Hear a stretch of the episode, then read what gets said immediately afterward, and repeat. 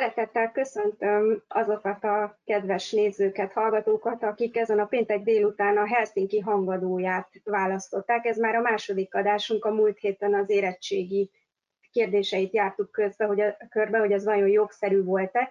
Ezen alkalommal egy nagyon örömteli hírrel fogunk kezdeni.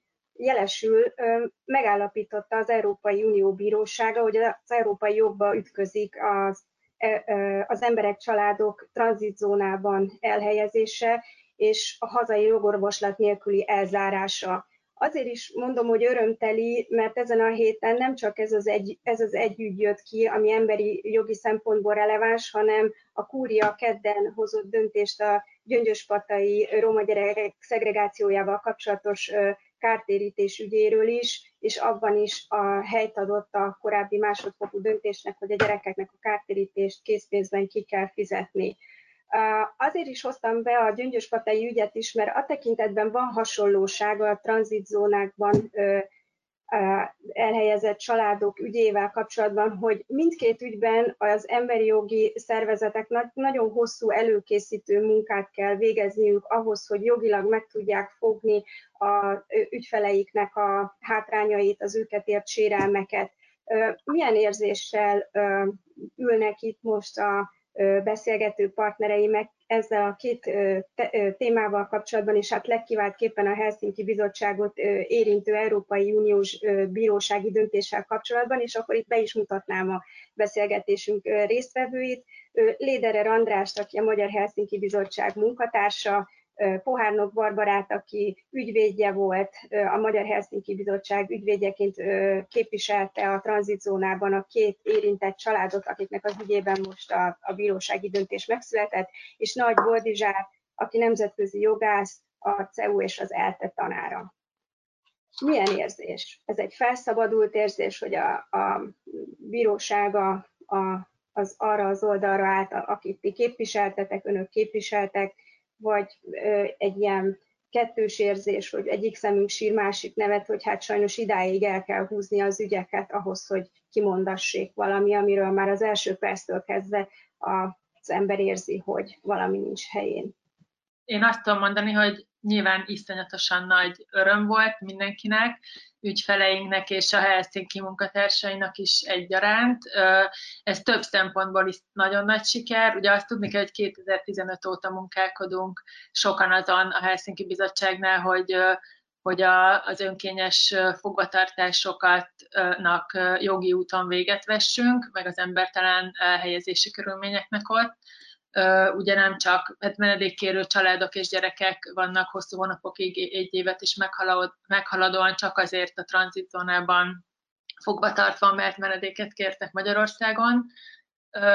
Azért is nagy, és, és hát ugye 2018. júliusa óta pedig nem csak a fogvatartás zajlik a tranzitzónában önkényesen, hanem a menedékjogi eljáráshoz való hozzáférésnek a, a, a, a, a hozzáféréstől való elzárás is, és a két és hogy azt gondolom, hogy azért, tehát az Európai Uniónak a legfelsőbb szintű bírósága vagy jogszolgáltató fóruma mondta ugye ki azt, amiket összefoglaltál az elején, hogy önkényes fogvatartás, jogellenes fogvatartás zajlik, és hogy Magyarország jogellenesen, önkényesen zárja el a menedékjogi eljárástól itt az embereket, és ugye ami nem kapott annyi feltétlenül annyi reflektorfény, de hogy az is, arról is szól ez az ítélet, hogy hozzá kell engedni mindenképpen a menedékkérőket a bírói jogorvoslathoz, ami egy csomó szempontból az eljárás különböző szakaszaiban nem biztosított, és arról is szól ez az ítélet, hogy,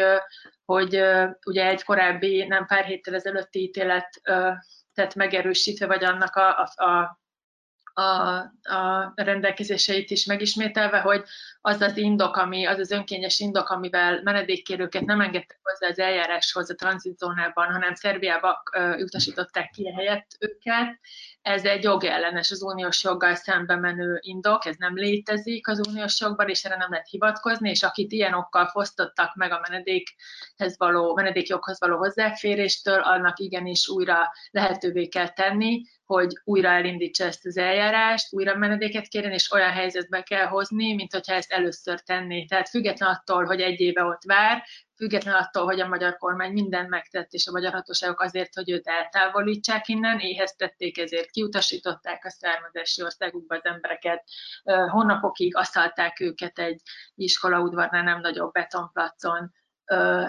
konténerbe zárva, ez mind és, és arra várva, hogy őket a üldözésbe visszaküldjék, most ezt az egészet újra kell kezdeni, mert az Európai Unió Bírósága így döntött. Azt nem is kell mondanom, gondolhatják a, hallgatók, meg a nézők, hogy mondjuk az a kisgyerek, aki a második születésnapját töltötte a tranzitzónában, most áprilisban, az az idős beteg pár, akik erre várnak másfél éve, vagy hát közel másfél hogy, hogy rendeződjön a sorsuk, azok mit érezhettek mondjuk tegnap, meg azok a sorstársaik, akik szintén erre az ítéletre vártak, hát iszonyatos örömöt. Én azt tudom, hogy az egyik ügyfelünk például azt írta nekem, hogy mennyire hálás hogy a Magyar Barátainak, a Helsinki Bizottságnak, és hogy mennyire örül, hogy megbízott, hogy, hogy belénk helyezte a bizalmát, mert hogy gondolom, hogy nem lehetett egyszerű az elmúlt hosszú hónapokban mindig újra és újra elhinni, hogy még nincs vége, hidd el, ne add fel. Szóval ez pokoli volt ez a várakozás.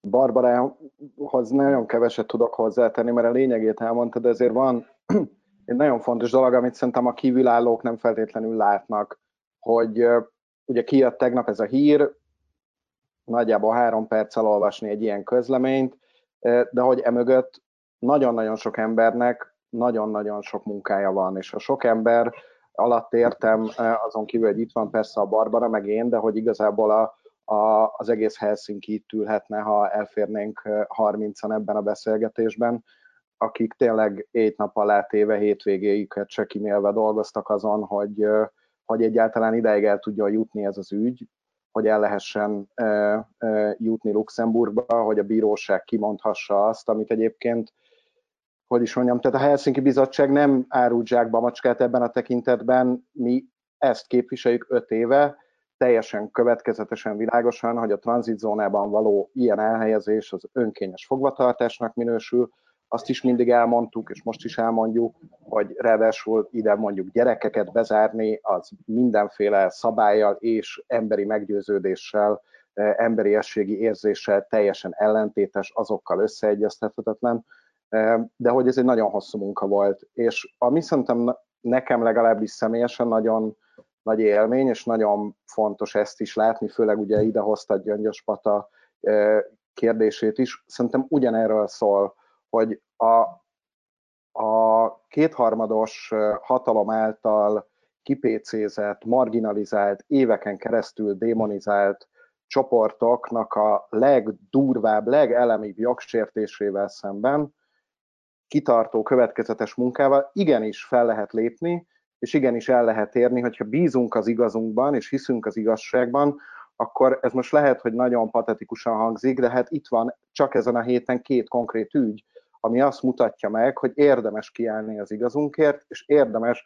akármilyen nehézségek árán is, de a meggyőződésünk eh, szerint, a legjobb szakmai és emberi meggyőződésünk szerint végigvinni ezeket az ügyeket. Adott esetben gyűlöletpropagandával szemben, adott esetben különböző civil szervezeteket megbénító, tönkretevő törvényjavaslatok elfogadásával szemben is. És szerintem ez visszaigazolja az elmúlt éveink nehézségeit, meg, meg, meg kinkeserves harcait a, azért, hogy a felszínen maradjunk. És látom, hogy Boldizsán jelentkezett, és utána Barbara. Köszönöm szépen. Nyilván a Helsinki Bizottság és az érintettek örülnek a legjobban, és mi velük örülünk, hiszen ugyanezt akartuk. De arra szeretnék rámutatni, hogy az ítéletnek Magyarországon túlmutató jelentősége van hiszen egy sor kérdésben nagyon világosan fogalmaz, és ezek a kérdések homályban maradtak mondjuk Máltán, hogy csak egy országot mondjak. Tehát például nagyon világosan kimondja, hogy az úgynevezett határeljárás az nem húzódhat négy hónapnál tovább. Nagyon világosan kimondja, amiben még a Strasburgi Bíróság is bizonytalankodott, hogy a tranzitzónában való fogvatartás az bizony fogvatartás. Tehát az Európai Uniós jog kulcs kategóriáit értelmezi elég érthető nyelven, tehát elég félreérthetetlenül, ugyanígy például világossá teszi, hogy akinek a kérelmét elutasították, és így a visszatérés irányelv hatája alá kerül, de fellebbezik az elutasítás ellen, neki is jár minden, ami a kérelmezőknek jár. Tehát nagyon egyértelmű póznákat rakott ki arról, hogy mit ír elő a jog. Nem lehet többé vitatni, hogy így értelmezzük, vagy úgy értelmezzük, és ez mind a 27, mondjam így, EU-s tagállamra irányadó lesz, nem csak Magyarországra. Tehát ezért is nagyon fontos az ítélet. Barbara?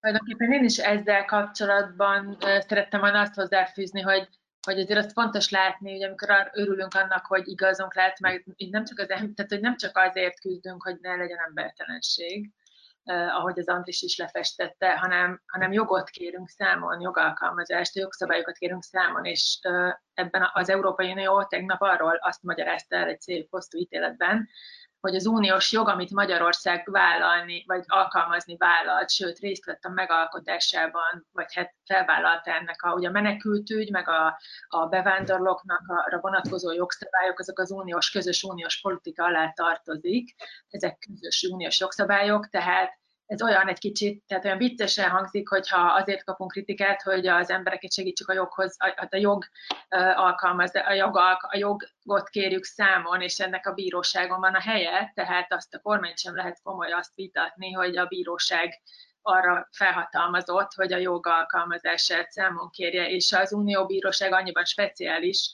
hogy kizárólagosan az Unió Bírósága jogosult arra, hogy értelmezze az uniós jogot, hogyha ezzel kapcsolatban értelmezési problémák vannak, és, és hogy ez az, ami tegnap megtörtént, és hogy a, a, a, itt, ahogy a kúria a magyar jogszabályt alkalmazta így gyöngyös patán, és az adott tényállásra, itt pedig annyiban a speciális ezt, hogy hogy, hogy egy uniós jogot alkalmazunk, amit, amit, tehát ez nem valami légből kapott mese, amit próbálunk elhitetni, hogy komolyan kell venni.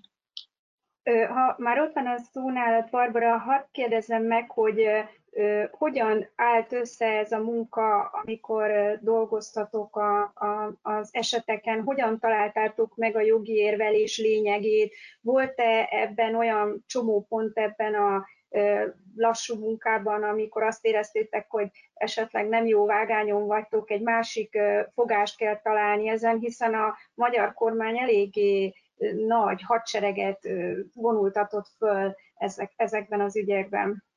Fú, itt azért nehéz erre egy válaszolni, mert nagyon sok ponton, tehát hogy itt ebben az ítéletben, ahogy látszik, ugye nem csak arról van szó, hogy fogvatartása a tranzitzóna és önkényese, hanem egy csomó más pontjáról az a, a menekült jognak, ugye menedékjognak. Úgyhogy én azt tudnám, hogy röviden akarok erre válaszolni, akkor azt tudom mondani, hogy 2015 óta, meg aztán 2018 óta egészen világosak az első pillanattól kezdve azok, hogy melyek azok a jogszabályok, amik sértik a, a, az uniós jogot, vagy az alapvető emberi jogokat, az emberi jogok és hogyha ezt látjuk és tapasztaljuk egyébként az egyes ügyekben, ugye a Helsinki Bizottság rengeteg több százezer ember, több száz ezer embernek ad menedékkérőnek jogi tanácsot és képviseletet, tehát egy oldalról látjuk azt, hogy mit mond a jogszab, hogy hogyan változtatják meg a jogszabályt ellentétesen alapvető jogi normákkal és uniós joggal, másik oldalról pedig látjuk ennek az alkalmazását az egyedi ügyekben, és akkor ezt a kettőt kell tulajdonképpen egymással összepasszintani, és, és azt gondolom, hogy ezek például ebben az ügyben is, meg egyébként, amit említettél a korábbi, az, az emberjogi, ember, Európai Emberjogi Bíróság előtt folyt másik ilyen nagyobb ügyben, azért azt is tudom mondani, hogy nyilván itt, amikor kiválasztjuk azt, hogy melyik ügyben és melyik problémát fogjuk peresíteni, akkor az egy ilyen stratégiai gondolkodást feltételez nyilván előtte, tehát ahhoz, és ahhoz kell, hogy legyen azért egy nagy választék az ügyeknek, hogy mondjam meg ügyfeleknek, ami, és, és akkor, akkor vannak külön mondjuk megbeszélések és, és gondolkodás arról, hogy ezt az adott problémát jogi problémát hogyan, melyik ügyben milyen eljáráson keresztül és melyik bíróságon fogjuk tudni kezelni.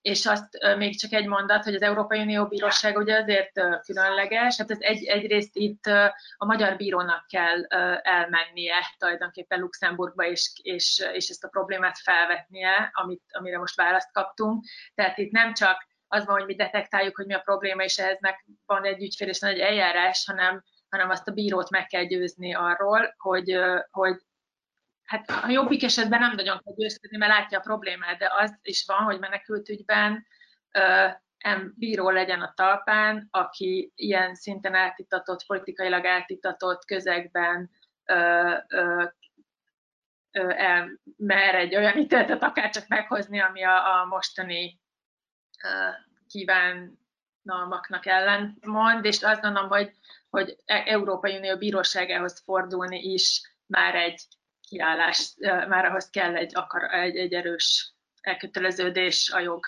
meg a, a, az emberi jogok és az alapvető, meg az uniós jogok iránt, és nem csak a... Tehát, hogy, hogy itt, itt ez, ez volt még az ilyen nagy feladat, hogy, hogy, hogy ezt erre megfelelő eljárást, bírót jól feltenni a kérdéseket, és hogy ez, ez, ez azért volt jó ez a két ügy, és a két, tulajdonképpen a Szegedi Bíróságon a két bíró, mert, mert azt ott értették, és ők nagyon, tehát, hogy nagyon sok előkészület volt egyébként, amire azok a kérdések megfogalmazottak, a, amiket, amik, amik végül is eljutottak a bíróságra. Boldizsár. Köszönöm. Um, mielőtt még a néző és a hallgató azt gondolná, hogy jó, milyen csúnyán taktikáznak ezek a jogászok. Ez egy ilyen tánc, ez egy tangó, amihez ketten kellenek, egyfelől a jogászok, akik oda viszik a bíróságra az ügyeket, másfelől azonban a bírósági szelektál. Tehát minden ilyen nagy nemzetközi bíróság, akár a Strasburgi Emberi Jogi Bíróság, akár a Luxemburgi Bíróság, az Európai Unió Bírósága válogat az ügyek között. Azokat az ügyeket választja, amelyekben hosszú távú, széles körű iránymutatást adhat. Tehát a PINF egyedi ügyekkel lehetőleg nem foglalkozik, vagy ha foglalkozik, azokat gyorsan elintézi. És az a célja, hogy nagy és jelentős ügyekkel tudjon igazán időt tölteni, ez egy 56 oldalas ítélet, ez még a luxemburgi bíróság gyakorlatában is különösen hosszú. Egy általános ítélet általában 10-15-20 oldal hosszú, ez 56 oldal hosszú. Tehát ez mutatja, hogy a bíróság osztotta a Szegedi Bíróság álláspontját, hogy itt nagy és fontos kérdésekről dönt. És akkor még egy mondatot ehhez hagyj térjek hozzá, arra vonatkozóan, hogy milyen stratégiát folytattak a magyar ügyvédek. Ugye egyfelől úgy tűnik az ítéletből, én nem voltam része magának a folyamatnak, csak próbálom visszaolvasni, hogy mi történhetett.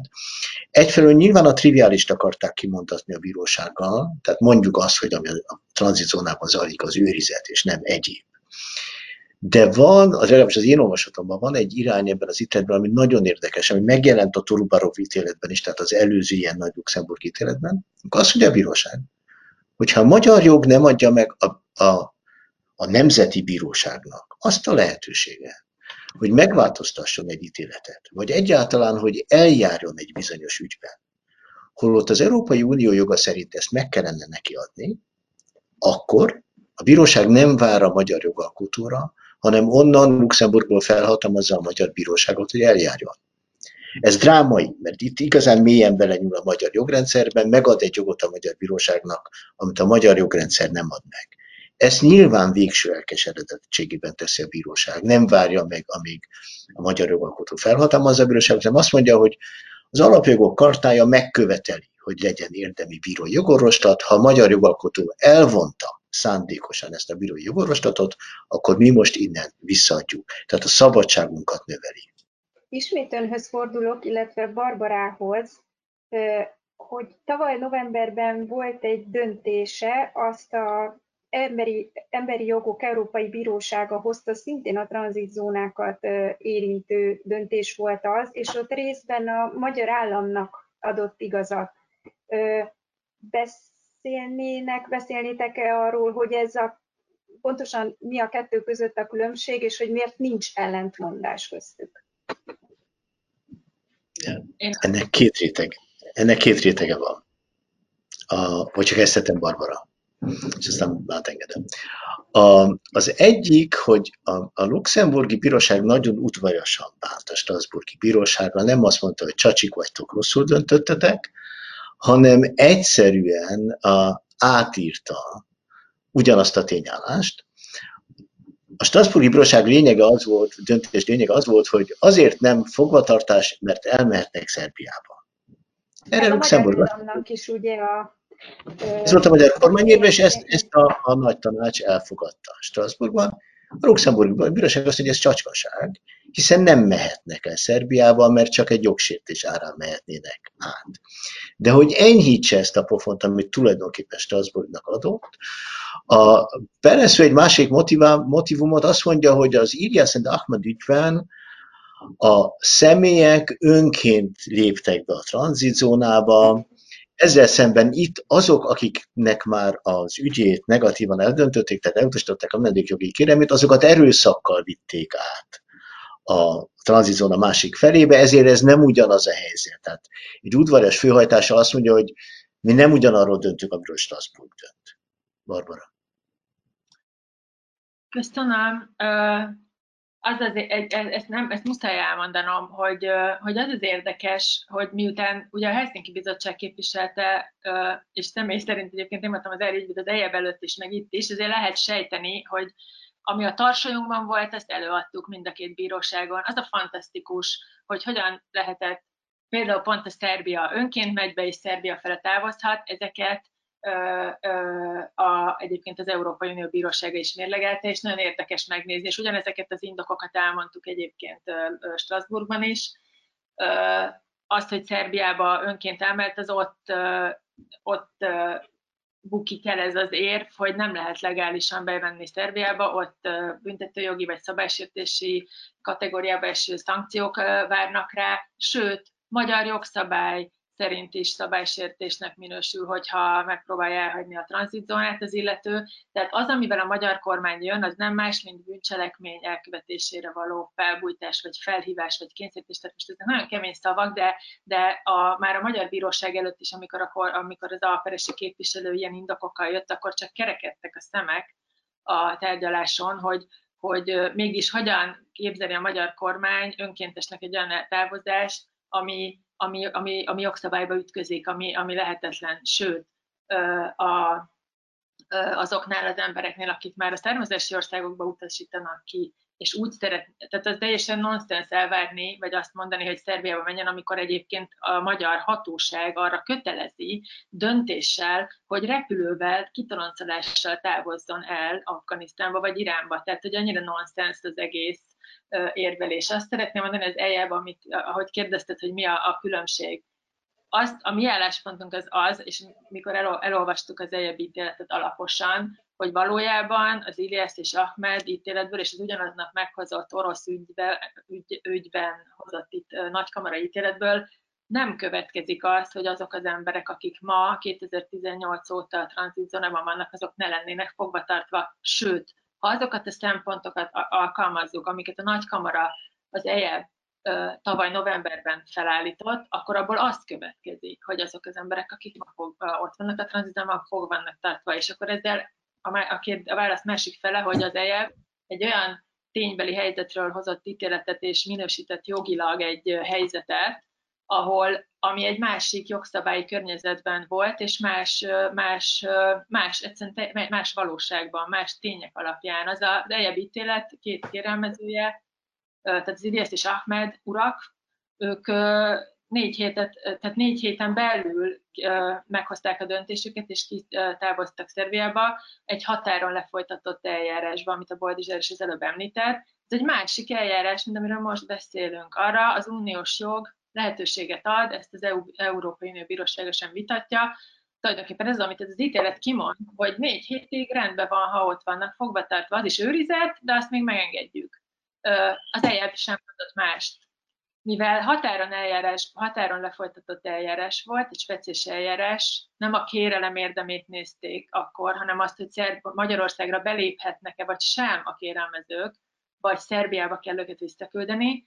Ebben a speciális eljárásban ezt a speciális kérdést vizsgálva erre a rövid időre nem lesz fogvatartás. Szerencsétlen, én nem értek ezzel egyet, hogy, hogy ettől még fogvatartás a történet, és ez az, amit szépen kereken elmagyaráz az Európai Női Bíróság, hogy azok a viszonyok, amik ott vannak, a szöges drót, a rendőrök, a, a, a fegyveres rendőr, a kamera, a, a, a 13 négyzetméter mozgástér, meg az a plusz 20, amire kimehet a szabad ég alá, az szabadsága, az olyan szintű mozgáskorlátozás, amit szabadságtalan megfosztásnak hívnak. Tehát nem nincs itt szépíteni, csak hogy az, az a fontos, és azért nagyon reménykedünk abban, hogy az újabb eljebb előtt lévő ügyeink azok más kimenetre lesz, mert hogy maga a nagykamara intézte úgy azzal az indokolással legalábbis, amit adott, hogy minden olyan embernél, akiket 2018 július után a teljes menekültügyi eljárásra a tranzitzónában tartanak hónapokig, azoknál nem mondhatja azt a saját standardjai alapján, hogy ez nem fogvatartás. Boldizsár. Mindennel egyetértünk, csak azok számára, akik kevésbé járatosak a jogi eljárásban. A Strasburgi Bíróság azt mondta, hogy ők várakoznak, hogy nem fogva vannak, nem fogva tartottak, hanem várakozók, és arra várnak, hogy eldőjön, hogy érdemben elkezdődik az ügyük. Tehát Strasbourg is adottnak vette, hogyha az ügyük érdemi eljárásba kerül, azaz nem elfogadhatatlan, akkor többé nem fogvatarthatók. András. Nekem csak annyi hozzátenni valóban a... egy kérdést az Andrásnak, hogy a, a, a választ komplexen kérjük, hogy az azokról a viszonyokról, amit Barbara említett az előző választában, arról egy kicsit kérlek mesélj nekünk, hogy mit is jelentenek azok a viszonyok. De amit még ehhez hozzá akartam tenni, és akkor majd válaszolok mindjárt erre a kérésedre is, hogy, hogy valószínűleg a, a menekült ügyel nem kelő és fekvő nézők számára ez nem teljesen világos, de ugye a tranzitzónákat Magyarországon 2015 őszén állították fel, és akkor alakították ki nem csak fizikailag a fémkonténereket, hanem a jogszabályi környezetet is. És ez az a jogszabályi környezet a 2015 őszi, amiről a Strasburgi Bíróság véleményt alkotott. Amiről a mostani döntés szól, az sem fizikai, sem jogi értelemben nem ugyanaz a tranzitzóna egyébként. 2017 márciusa óta ugyanis teljesen más szabályok vonatkoznak a menekültügyre Magyarországon. Ennek köszönhetően lehet nem 28 napig, hanem korlátlan ideig fogva tartani, és nem csak felnőtt, egyedülálló, egészséges férfiakat, hanem mindenkit, és a mindenkibe szeretném nagyon nyomatékosan hangsúlyozni, hogy benne vannak a gyerekek is, a kísérő nélküli gyerekek is, akik elmúltak 14 évesek. Ott vannak hosszú hónapokra, akár egyébként nem túlzok, konkrét emberekről beszélünk, két-két és fél-három évig is. Ez egy elképesztően hosszú időszak. És ami pedig a, a, a fizikai körülményeket illeti, ugye a 2015-ös állapotok, azok arról szóltak, hogy a kerítésbe építve, mutatom így, hogy látszódjon a képernyőn, egy vékony csíkban felhúztak ilyen építkezéseken is látható fémkonténereket, amik arra szolgáltak, mondom az az egy sornyi konténer, hogy ott legfeljebb 28 napig, de általában az emberek 99%-ának az volt a sorsa, hogy belépett a tranzitzónába, beadta a kérelmét, és még aznap valamelyik számára megfelelő nyitott táborba elszállította a magyar hatóság. Azok a körülmények nem voltak kellemesek, vagy ideálisak, de össze sem lehet vetni azokkal az állapotokkal, amik a 2017 tavaszi kibővítés utáni tranzitzónákra jellemzőek, ahol ugye egyrészt, amit a Barbara említett, a 13 négyzetméter, ez a jó szándékú számítása ezeknek a fémkonténereknek. Ezen a 13 négyzetméteren van két darab emeletes ágy, egy szimpla ágy, szekrénysor.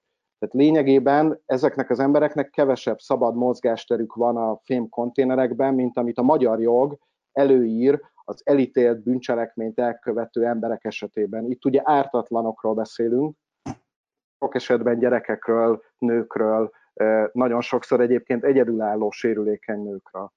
A másik, ami rendkívül fontos, hogy Hát itt ez egy hosszú ideig tartó elhelyezés jelent. Mondjuk egy gyerek esetében, csak gondoljon bele mindenki a saját környezetében, ha ismer egy iskoláskorú gyereket, hogy másfél-két év alatt mi történik egy iskoláskorú gyerek életében normális esetben. Barátai lesznek, tanárai vannak, szórakozni jár, külön órára jár, játszik, sportol, táncol, Ezeknek a gyerekeknek, akiket a tranzit zónába zár be a magyar hatóság bírósági felülvizsgálat nélkül, korlátlan ideig, ezek közül semmi nincsen. Murvával felszórt nagyjából, ahogy a Barbara említette, tudom, 40 négyzetméter, egy, egy ilyen kifutó jut. Tehát egyszerűen olyan a magyar átlagember számára egyébként tényleg felfoghatatlan vagy ismeretlen állapotok vannak ott, amikre, hát én nem csodálom, hogy a bíróság ezt igazából a, a 80 oldalas ítéletben egyetlen egy bekezdéssel elintézte, hogy annyira egyértelműek az ottani fizikai körülmények a benyújtott bizonyítékok alapján, hogy itt nincs nagyon miről beszélgetni. Ami egy, egy jellemző dolog egyébként, hogy erről a helyzetről a széles közvéleménynek fogalma nincsen. És azért nincsen fogalma, mert ez hozzá tartozik ahhoz a démonizáláshoz, ami zajlik itt az elmúlt években a menedékkérőkkel kapcsolatban, mert nem lehet bemenni. Nem az újságírók lusták megpróbálni erről tudósítani, hanem nem engedik be a sajtót, nem engedik be a nyilvánosságot kamerákon, fényképeken keresztül sem a tranzitzónákba, pontosan azért, mert akkor látná mindenki, hogy hogyan bánunk ezekkel az emberekkel, és nyilván nem csak mi néhányan lennénk végtelenül felháborodva ezen, hanem az ország többsége is.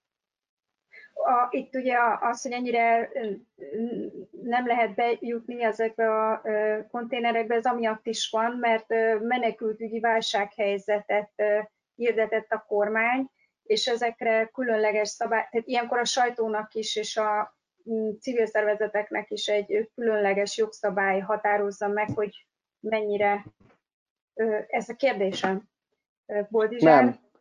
Nem. Nem, a kettőnek nincs egymáshoz köze, sőt, annyira nincs, hogy 2015-ben indult ez az ügy, egy másik jogvédő civil szervezet képviselte a TASZ azt a magyar újságírót, aki szeretett volna bemenni az akkor még működő Debreceni menekültáborba, és nem engedték be, és sehova máshova sem engedték be 2015-ben, hogy ő tudósíthasson a helyzetről.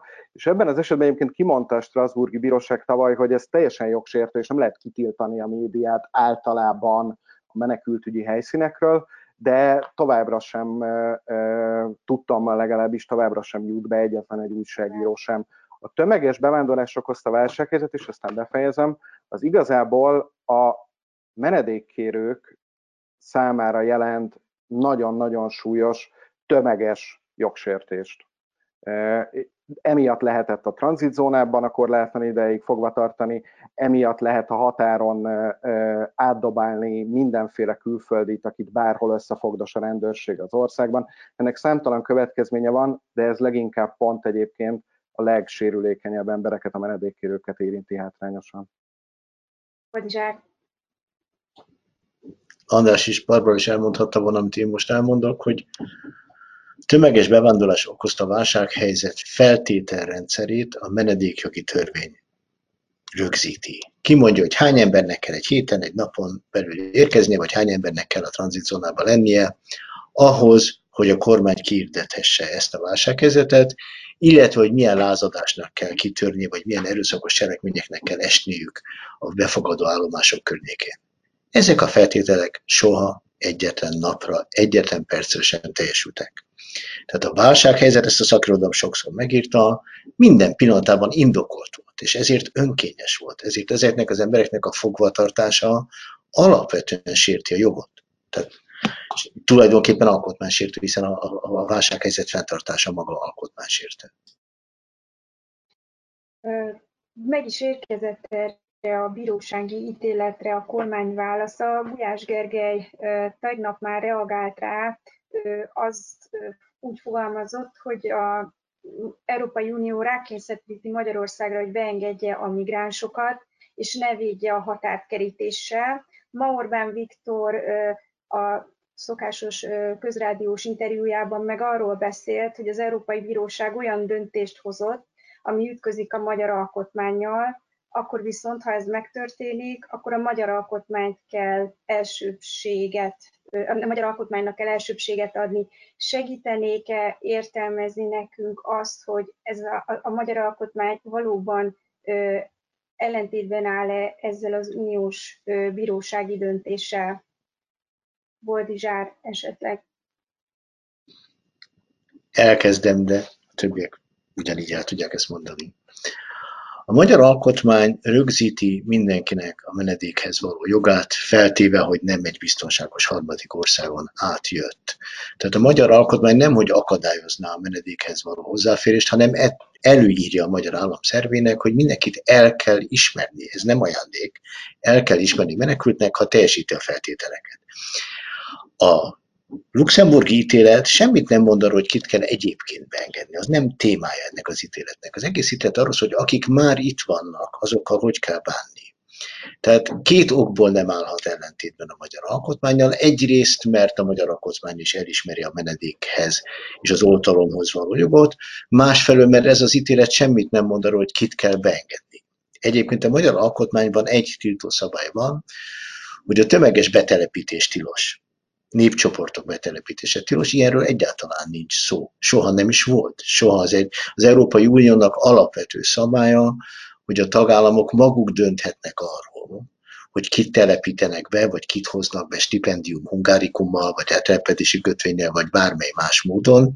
Ebből az Európai Unió nem szólt bele. A sima bevándorlási politikát az Európai Unió csak annyiban érinti, amennyiben egyrészt a rövidtávú vízumokról, hosszabályt, másrészt a család egyesítésre vonatkozóan, és bizonyos nagyon szűken meghatározott gazdasági kérdésekben magasan képzettek vállalatok áthelyezések. Ezekben az ügyekben előír valamit az államoknak, de az általános bevándorláspolitikát egyáltalán nem befolyásolja. Az úgynevezett illegális migránsok ilyenek persze nincsenek, de a belépés joga nélküli emberekre vonatkozó szabályokban minden erejével az államok pártján áll, és segít nekik megakadályozni azt, hogy belépjenek olyanok, akiknek nincs joga belépni. Barbara? Hú, nekem csak az jutott eszembe most még ehhez, hogy, hogy amit már utaltam az elején is, hogy itt nem, tehát hogy az nem, tehát és nem tudom, mivel fog aztán még jönni komolyan, tehát így a jogi jogalkalmazás szintjén a, a, a magyar hatóságban a kormány, azt tudni kell, hogy hogy tehát mint egy európai, itt az Európai Unió Bíróság, hogy említettem az elején, ő értelmezett egy jogszabályt, tehát amit a feladat most az az, hogy a magyar hatóságok, meg a magyar bíróságok alkalmazzák az uniós jogot. Eddig ment a húzavona, hogy akkor ez az uniós jog, amit mi egyébként átültettünk, és a magyar jogszabályban is benne van, ezt akkor most mi úgy értjük, hogy, meg így értjük meg úgy gondoljuk. Most világos, hogy hogy kell érteni itt, és azt az alkotmány, meg a Magyar Alkotmánybíróság sem mondta még eddig ki, hogy ő egyébként felette állna ennek, sőt, hát a, a, a, a, ugye a bizonyos, szem, bizonyos mértékben a tagállamok feladják a szuverenitásukat bizonyos területeken, más területeken meg nem. Szemben a német alkotmánybírósági ítélettel itt egy olyan területről beszélünk, ahol nem vitatott az, hogy itt egy része fel van adva a szuverenitásnak, és itt az uniós jog szabályozza a, a, a közigazgatásnak a bíróság. A Boldi nagyon csalja fejét szerintem, az, tehát lehet, hogy még fogunk látni érdekes dolgokat, de egyelőre a jog szerint a magyar hatóság és a bíróság alkalmazza az uniós jogot, és ezt abban az értelemben kell alkalmazni, ahogy a bíróság mondta. Tehát nem, az ítél, nem ezt a konkrét ítéletet ö, ö, kell mindenhol, minden ügyben ö, elővenni, hanem, a, hanem magát a jogot, amit az ítélet magyaráz. Két rövid megjegyzés, Barbara, csak azért csóváltam a fejem, mert én tudom, hogy Magyarországon sok híve van a szuverenitásnak, és ezért jobb szeretem, ha azt mondjuk, hogy nem azt, hogy feladja a szuverenitását, hanem hogy közösen gyakorolja. Ugye ezt mondja a magyar alaptörvény is. Hogy szuverenitásának egy részét egyedül gyakorolja, más részét közösen gyakorolja. Szó sincs arról, hogy mi a döntési jogról lemondanánk, hiszen az Európai Unióban is mi döntünk, Pintér Sándor ülött, és Orbán Viktor ülött, és a magyar képviselők ülnek a parlamentben. Tehát ez nagyon fontos, hogy azt a diskurzust ne erősítsük, amely szembeállítja egymással a hazai döntéshozatalt, mint szuverént, és az Európai Uniós, mint a szuverénitás elvonását, ellenkezőleg. Az Európai Unióban is, akár csak a NATO-ban, vagy a visegrádi lényegben e közösen gyakoroljuk a szuverénitásunkat. Barbara? Mondta, hogy igen, mondta az előbb, ezeket a jogszabályokat nem, egy, nem, a, nem a postán kaptuk valahonnan a másik bolygóról, hanem ebben részt vettek a megalkotásába a tagállamok. Tehát, és az Európai Unió Bíróságon is nem véletlenül vehetnek részt, és vesznek részt egyébként sokszor nagyszámban más tagállamok is. Tehát a előzetes döntéshozatali eljárásban, mint ez is volt, rendszeresen szereplői és felekként vesznek részt a bizottságon, és az adott tagállamon, meg a felek képviselőink kívül más tagállamok. Tehát a bíróságot nagyon is érdekli az, hogy, hogy, hogy melyik tagállam hogyan, hogyan értelmezi ezt, és akkor megpróbál egy olyan értelmezést adni, ami a jogalkotónak is megfelel, és itt ki volt a jogalkotó, hát a jogalkotó az nem egy a magyar és az egyes tagállamoktól eltérő, teljesen eltérő entitásra, hogy a Boldizser is utalt erre. Szeretnék egy ötletet adni a kormánynak, hogy hogy lehet ebből nagyon szépen kijönni, anélkül, hogy tekintélyét vesztené. Hiszen mi mind a kormány nagy barátai vagyunk, és azt akarjuk, hogy tudjon jogszerűen működni. A kormány úgy tud ebből nagyon egyszerűen és gyorsan kijönni, hogy megszünteti a tömeges bevándorlás okozta válsághelyzetet. Abban a pillanatban helyreáll a rendes menedékjogi eljárási rend. A rendes menedékjogi eljárási rendel is vannak bajok, de összemérhetetlenül kisebb mint a most alkalmazott eljárási rendben, hiszen akkor mindenki egy, egy szabad befogadó állomásra kerül, kivéve azokat, akiket úgynevezett menedékjogi őrizetbe vesznek, tehát továbbra is mód van arra, hogy különleges helyzetekben emberek ne szabadon grasszáljanak az országban, és le lehet folytatni rendes menedékjogi eljárást, és Luxemburg is meg lesz elégedve, és Strasbourg is meg lesz elégedve. Nem kell semmit csinálni, csak az egyébként minden alap nélkül és súlyosan alkotmánysértő tömeges bevándorlás okozta válsághelyzet kihirdetését kell visszavonni, vagy nem megújítani, mert ezt fél évente megújítják, ugyan nem közétett indokok alapján. Ennyi, és akkor mindenki boldog lesz. Ha mégsem ezt tenné a magyar kormány, azt elképzelhetőnek tartjátok-e, hogy hozzányúl esetleg az alkotmányhoz, és úgy módosítja azt, hogy mm, ennek a döntésnek ne kelljen a végrehajtását elindítani?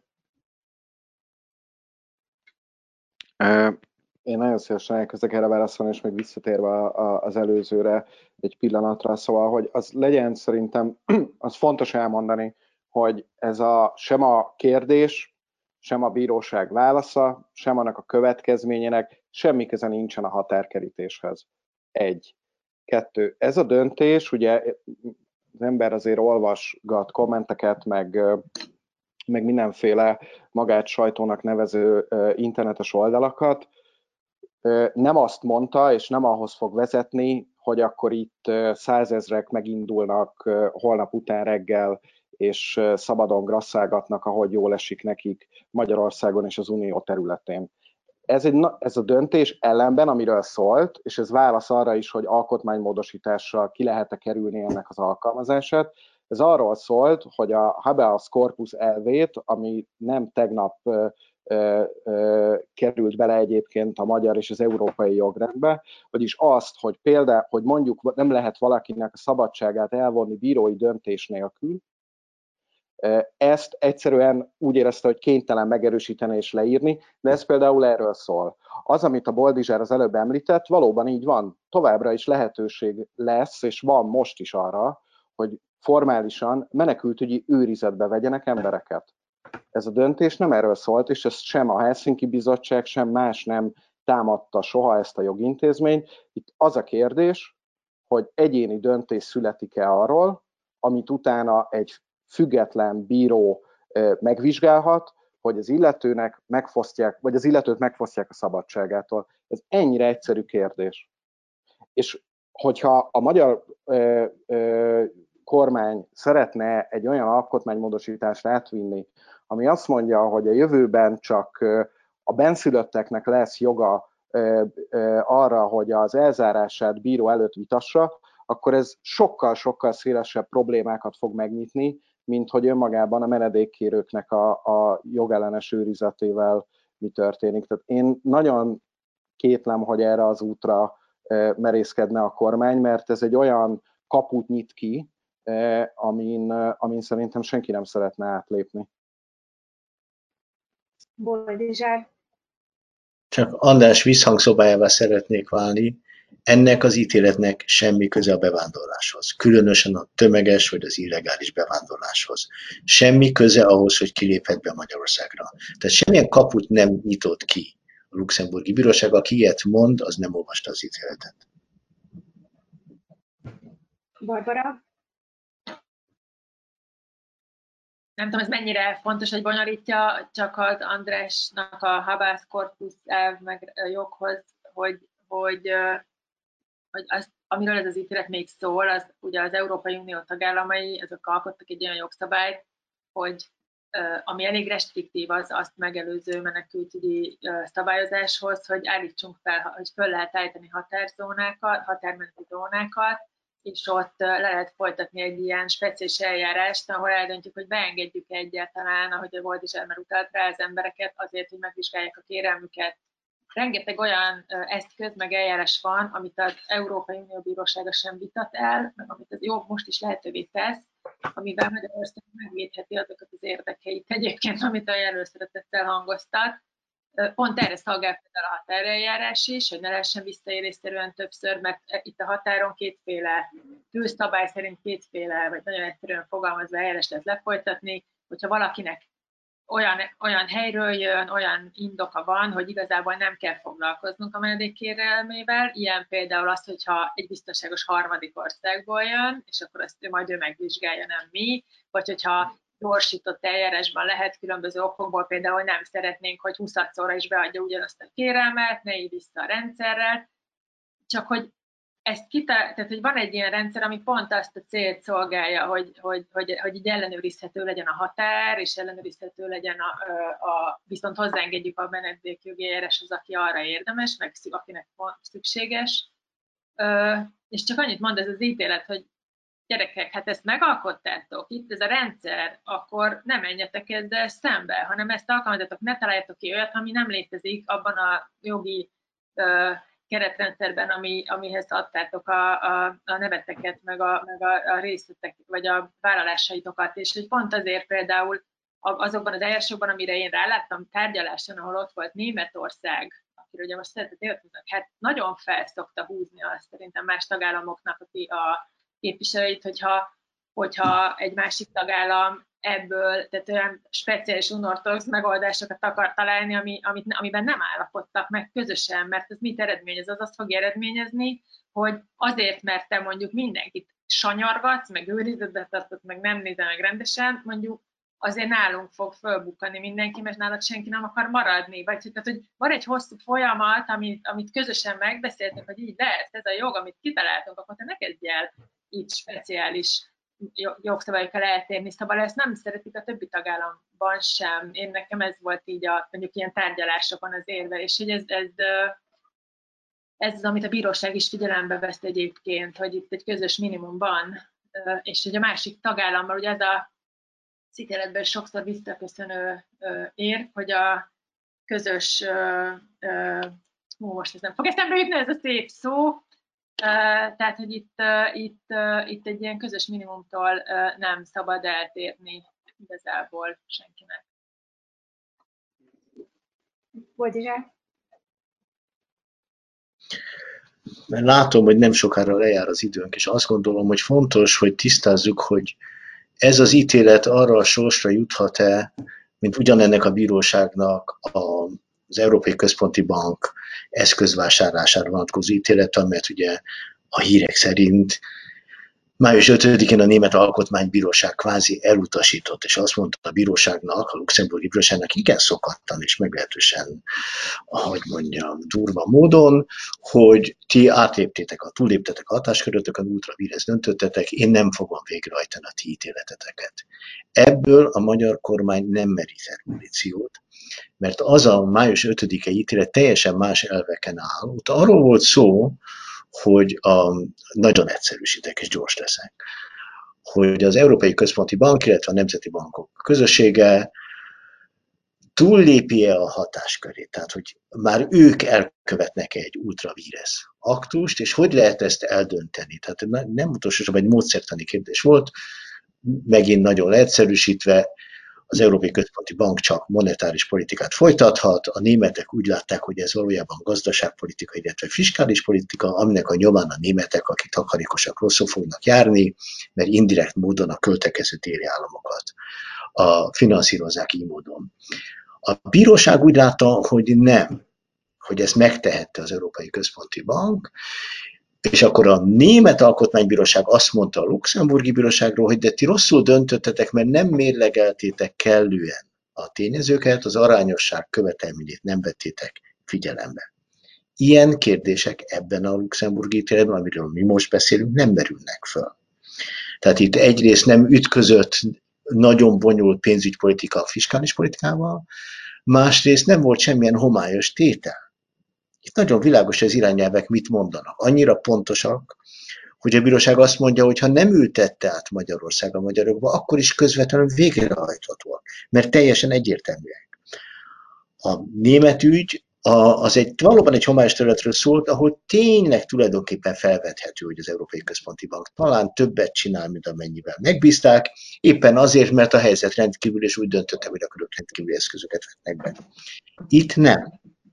Tehát itt a Magyar Alkotmánybíróság nem fog tudni a Német Alkotmánybíróság ítéletére hivatkozni, ha arra szánná rá magát, amitől őszintén óvnám, hogy megpróbálja elutasítani ezt az ítéletet a magyar alkotmányos identitásra, vagy az ultra vires doktrinára tekintettel egyik sem alkalmazható.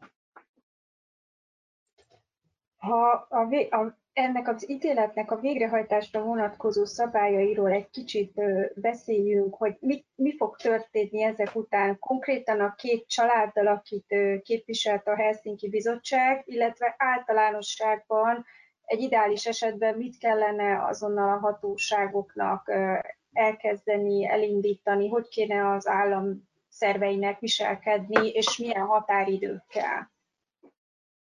András? Szerintem a Barbara inkább, és aztán majd kiegész. Oké. Okay.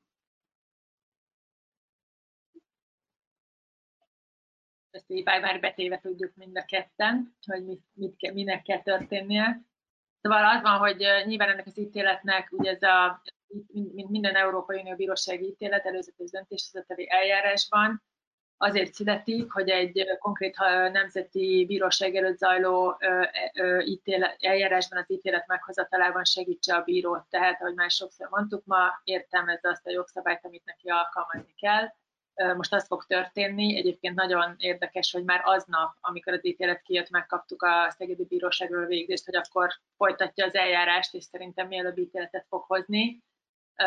Ez szerint, tehát, hogy ő, a magyar bíróság most el fogja dönteni az elévít jogkérdést úgy, hogy muszáj neki figyelembe venni és alkalmazni azt, ami az ítélet bele van írva, ez nem kérdés. És hány napja es, van rá?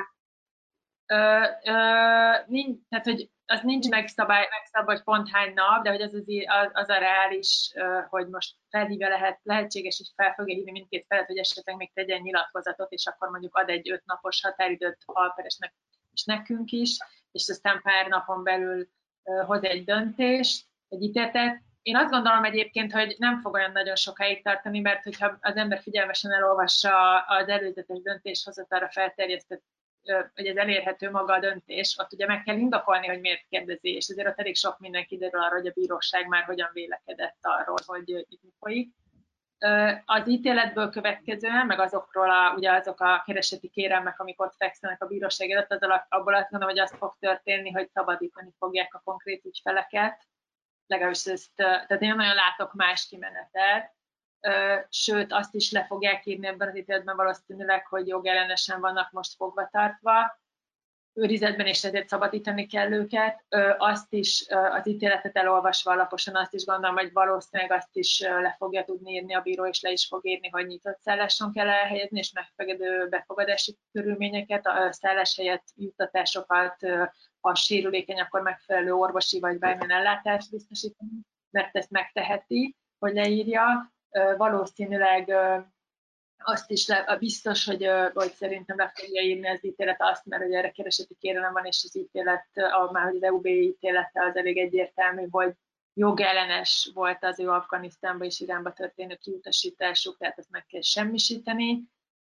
ezek szerintem valószínűleg meg fognak történni, sőt, az ítélet szerint valószínűleg azt is le fog érni az ítélet, hogy, hogy a kérelmezőknek, vagy az ügyfeleinknek nem szabadott volna egyáltalán átkerülni az idegenrendészeti eljárásba, hanem jogellenesen kezdtek egyáltalán idegenrendészeti eljárást, de most minden, az, minden, minden esetre biztosítani kell azt, hogy folytatódni tudjon a menedékkérelmüknek a megvizsgálása, Úgyhogy ez, ez várható szerintem az ő konkrét ügyükben, hogy mi van a többiekkel a tranzitzónában, azt pedig, ahogy pedig adatok visszakanyarodni, hogy ugye két csoport van a tranzitzónában, meg az ítélet is két csoportjáról beszél így a, a külföldieknek, az egyik a menedékkérők, a más, másik pedig az elutasított menedékkérők, már kiutasított kérelmezők.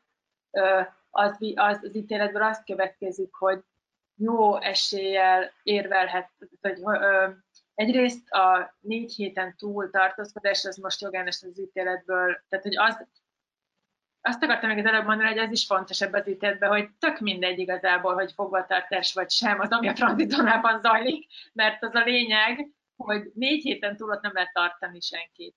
Az csak egy, és hogy, és hogy azt gondolom, hogy aki négy héten túl van és menekült ugye eljárása folyik, akkor igazából a hatóságoknak most, mivel az uniós jogot alkalmazniuk kell, ezért hozniuk kellene most egy új döntést nagyon gyorsan, amiben, ami arról szól, hogy határozat, ez a, holnaptól kezdve a szálláshely az itt és itt lesz egy nyitott szálláson. Hogyha valakiről úgy gondolják például, hogy szökne, vagy valami, vagy valami más nyomos ok van, akkor őrizetbe vehetik. Azt nem nagyon látom, hogy gyerekeket hogyan tudnának őrizetbe venni a magyarországi területén belül, mivel már mindenki 30 napon túl ott, 30 napon túl még nem lehet gyereket őrizetbe venni. Úgyhogy ez a, ezek, ez, ez szerintem ezt az uni, tehát, hogy, hogy alkalmazniuk kell magát a, azt a jogot, amit félre kell tenni a magyar jogot. Ezt egyébként leírja maga az ítélet egészen. Van egy konkrét mondat, ahol mindenki számára mindenféle latin ö, ö, szó, szóhasználatot nélkülözve leírja, hogy a magyar hatóságot, közigazgatási hatóságot és bíróságot is kötelezi az uniós jog, félre kell tenni a magyar jogot.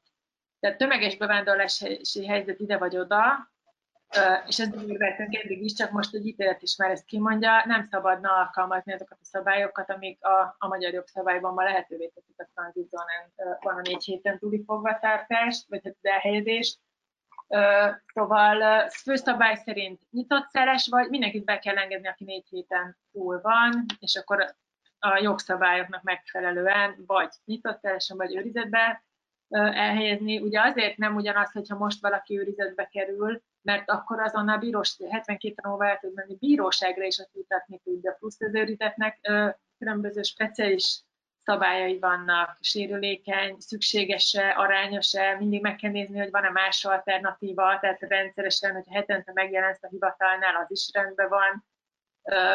És akkor tehát ez a menedékkérők, és a, és a másik fontos még, hogy akik úgy jártak, mint a konkrét ügyfelek is, tehát nem, a, nem őket érinti az ítélet, ugye nem a konkrét ítéletnek az ügyfelei, vagy a kérelmezői, de akik hasonló helyzetben vannak, tehát akik benne ragadtak így a két eljárás között, és, és, és várnak a menedékkérelmükre, tehát akiket Szerbiába utasítottak ki, ők nekik most azt, azt kell, hogy történjen, hogy azt kell, hogy mondjuk, hogy szeretnénk, hogy folytassátok, szeretnénk megvizsgálni, és meg kell vizsgálni, és nem lehet már azzal operálni, hogy te ki vagy utasítva, vagy ilyesmi hanem el kell kezdeni előről, és ez elég nagy könnyebbség, mert nagyon sok ilyen ügyfél van, aki, aki megakadt, és a magyar bíróságban, tehát hogy ezt, e, e, és ennek a hivatal szintjén kell elindulni, és ami még fontos, hogy akik a, tehát nem a menedékkérők, hanem a, kiut, a már kiutasítottak, és ezt is tudni kell azért, hogy az utóbbi gyakorlat az az, hogy olyan embereket, olyan külföldieket is leszállítottak a tranzitzónába, ugye Andris, majd javíts, hogyha nem így van, akik soha előtte nem voltak, és nem is Szerbiából érkeztek. Tehát a tranzitzóna ez ugye raktár lehet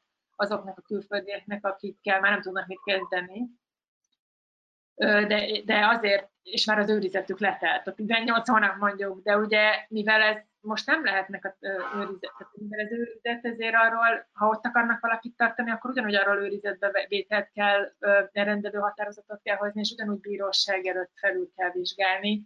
Úgyhogy az biztos, hogy ami ebből kell, hogy következzen az ítéletből, az is az, hogy, hogy, hogy egyszerűen nem lehet időtlen időkig ott otaszalni az embereket innentől kezdve, és, és szerintem én azt gondolom, hogy arra sem kell várnunk, bár nyilván ez lesz a reális kimenetele, vagy a forgatókönyv, hogy majd bíróságra kell menni, és kérem karmadáját írogatnunk meg az irodában, hogy ezek dolgok megtörténjenek, vagy egyáltalán szóba jöjjenek, de hogy ezt, ezt igazából most kötelessége lenne a hatóságoknak maguktól intézni. András. Hát én ennyit akartam egyrészt mondani, hogy ez, tehát, ha, ha egy normális országban élnénk, akkor egyrészt valószínűleg nem jutottunk volna el erre a pontra, ahol ma vagyunk, de másrészt akkor a mai nap az azzal telt volna, hogy a, a hatóság saját magára nézve kötelezően elismerve elkezdi végrehajtani ezt, a, ezt az értelmezést, ami hát azt kellene eredményezzen, amit a Barbara elmondott. De még egy apróságot azért ide mondanék, hogy még milyen egyéb mellékes következményei lesznek ennek. Ugye 2018. augusztusa óta több mint 20 alkalommal fordult elő, hogy azok közül az emberek közül, akiket elutasítottak, jellemzően egyébként olyan alapon, ami szintén később kiderült, hogy uniós jogba ütközik, ezektől az emberektől megvonták az élelmezést a tranzitzónában arra való hivatkozással, hogy hát azt csak őrizetben kell adni az embernek, a tranzitzóna hát az nem őrizet, úgyhogy akkor nem kell neki enni adni. És ennek az egészen elképesztő fikciós rémálomnak is egy, egyelőre úgy néz ki, hogy gátat fog szabni ez, a, a, ez az ítélet, mert aki ott van, az őrizetben van. Aki őrizetben van, annak nem lehet nem enni adni. Majd meglátjuk, hogy, hogy ebben is történik-e változás. Boldizsák? Akkor nagyon szépen köszönöm, hogy velünk tartottak, és ezt a péntek délután tránkádozták. Boldizsár szavaival búcsúznék, aki úgy fogalmazott, hogy ezek most ilyen nagyon világ, világos póznák, amik irányt kell, hogy mutassanak a, a hatóságoknak, a jogalkalmazóknak a tekintetben, hogy hogy kell eljárni ezekben az ügyekben. Köszönöm szépen Nagy Boldizsárnak, Léderer Andrásnak és Pohárnok Barbarának, hogy kifejtették véleményüket erről a döntésről, és köszönjük, hogy velünk tartottak. Ez a Helsinki hangadó, én Óri Molnárdóra vagyok.